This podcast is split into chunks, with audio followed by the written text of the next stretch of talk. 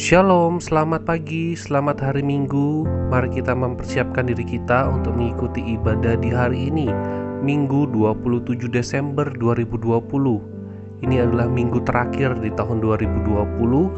Saya akan membacakan pertanyaan dan jawaban dari Katekismus Reformasi minggu ke-22. Mengapa penebus harus manusia sejati? Karena dengan keadaan sebagai manusia, dia dapat menggantikan kita mentaati seluruh hukum Allah dengan sempurna dan menanggung hukuman dosa manusia juga agar dia dapat merasakan segala kelemahan kita. Ibrani 2 ayat 17 Itulah sebabnya, maka dalam segala hal ia harus disamakan dengan saudara-saudaranya supaya ia menjadi imam besar yang menaruh belas kasihan dan yang setia kepada Allah untuk mendamaikan dosa seluruh bangsa. Kita sebagai manusia sudah sedemikian rusak dan kita sudah rusak dalam waktu yang sangat lama sehingga kita menganggap begitulah keadaan kita sebenarnya sebagai manusia. Kita mengatakan hal-hal seperti melakukan kesalahan itu adalah manusiawi dan tanpa disadari kita lalu mulai mendefinisikan manusia dalam arti kegagalan, kehancuran, dan ketidaksempurnaan.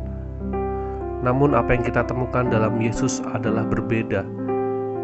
Kita melihat dalam Yesus pribadi manusia yang sejati, yang kita temukan dalam inkarnasinya, kehidupan, dan pelayanannya di bumi adalah yang sesungguhnya dimaksudkan sebagai manusia, seperti Adam pada waktu diciptakan, namun yang kemudian rusak akibat dosa dan kejatuhan. Sehingga seperti dituliskan di dalam Roma pasal yang kelima, karena manusia pertama, yaitu Adam, berbuat dosa, maka melalui dosanya itu kematian masuk ke dalam dunia. Tetapi kemudian datanglah Adam kedua, Adam yang sesungguhnya, yaitu Kristus, yang adalah manusia sejati. Yang dilakukan Kristus sebagai manusia sungguh luar biasa.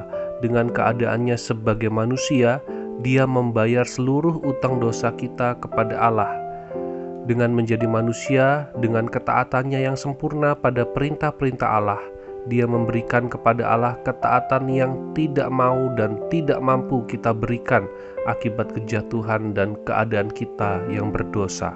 Semua kebenaran yang kita butuhkan ada di dalam Anak Allah yang mengambil rupa manusia seperti kita.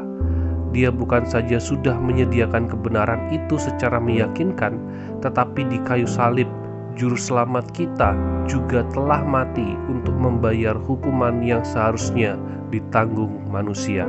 Dengan natur manusia, dia lalu menunjukkan apa sebenarnya manusia itu dan bagaimana seharusnya manusia itu, yaitu benar di hadapan Allah, taat kepada Allah, menyembah Allah dalam segala hal, mengasihi Allah dengan segenap hati dengan menjadi imam besar, imam besar yang sempurna, yang berbela rasa dengan kita, yang dapat memahami penderitaan, kegagalan, dan kesedihan kita, dan benar-benar merasakannya karena Dia mengalaminya sendiri dengan menjadi manusia seperti kita.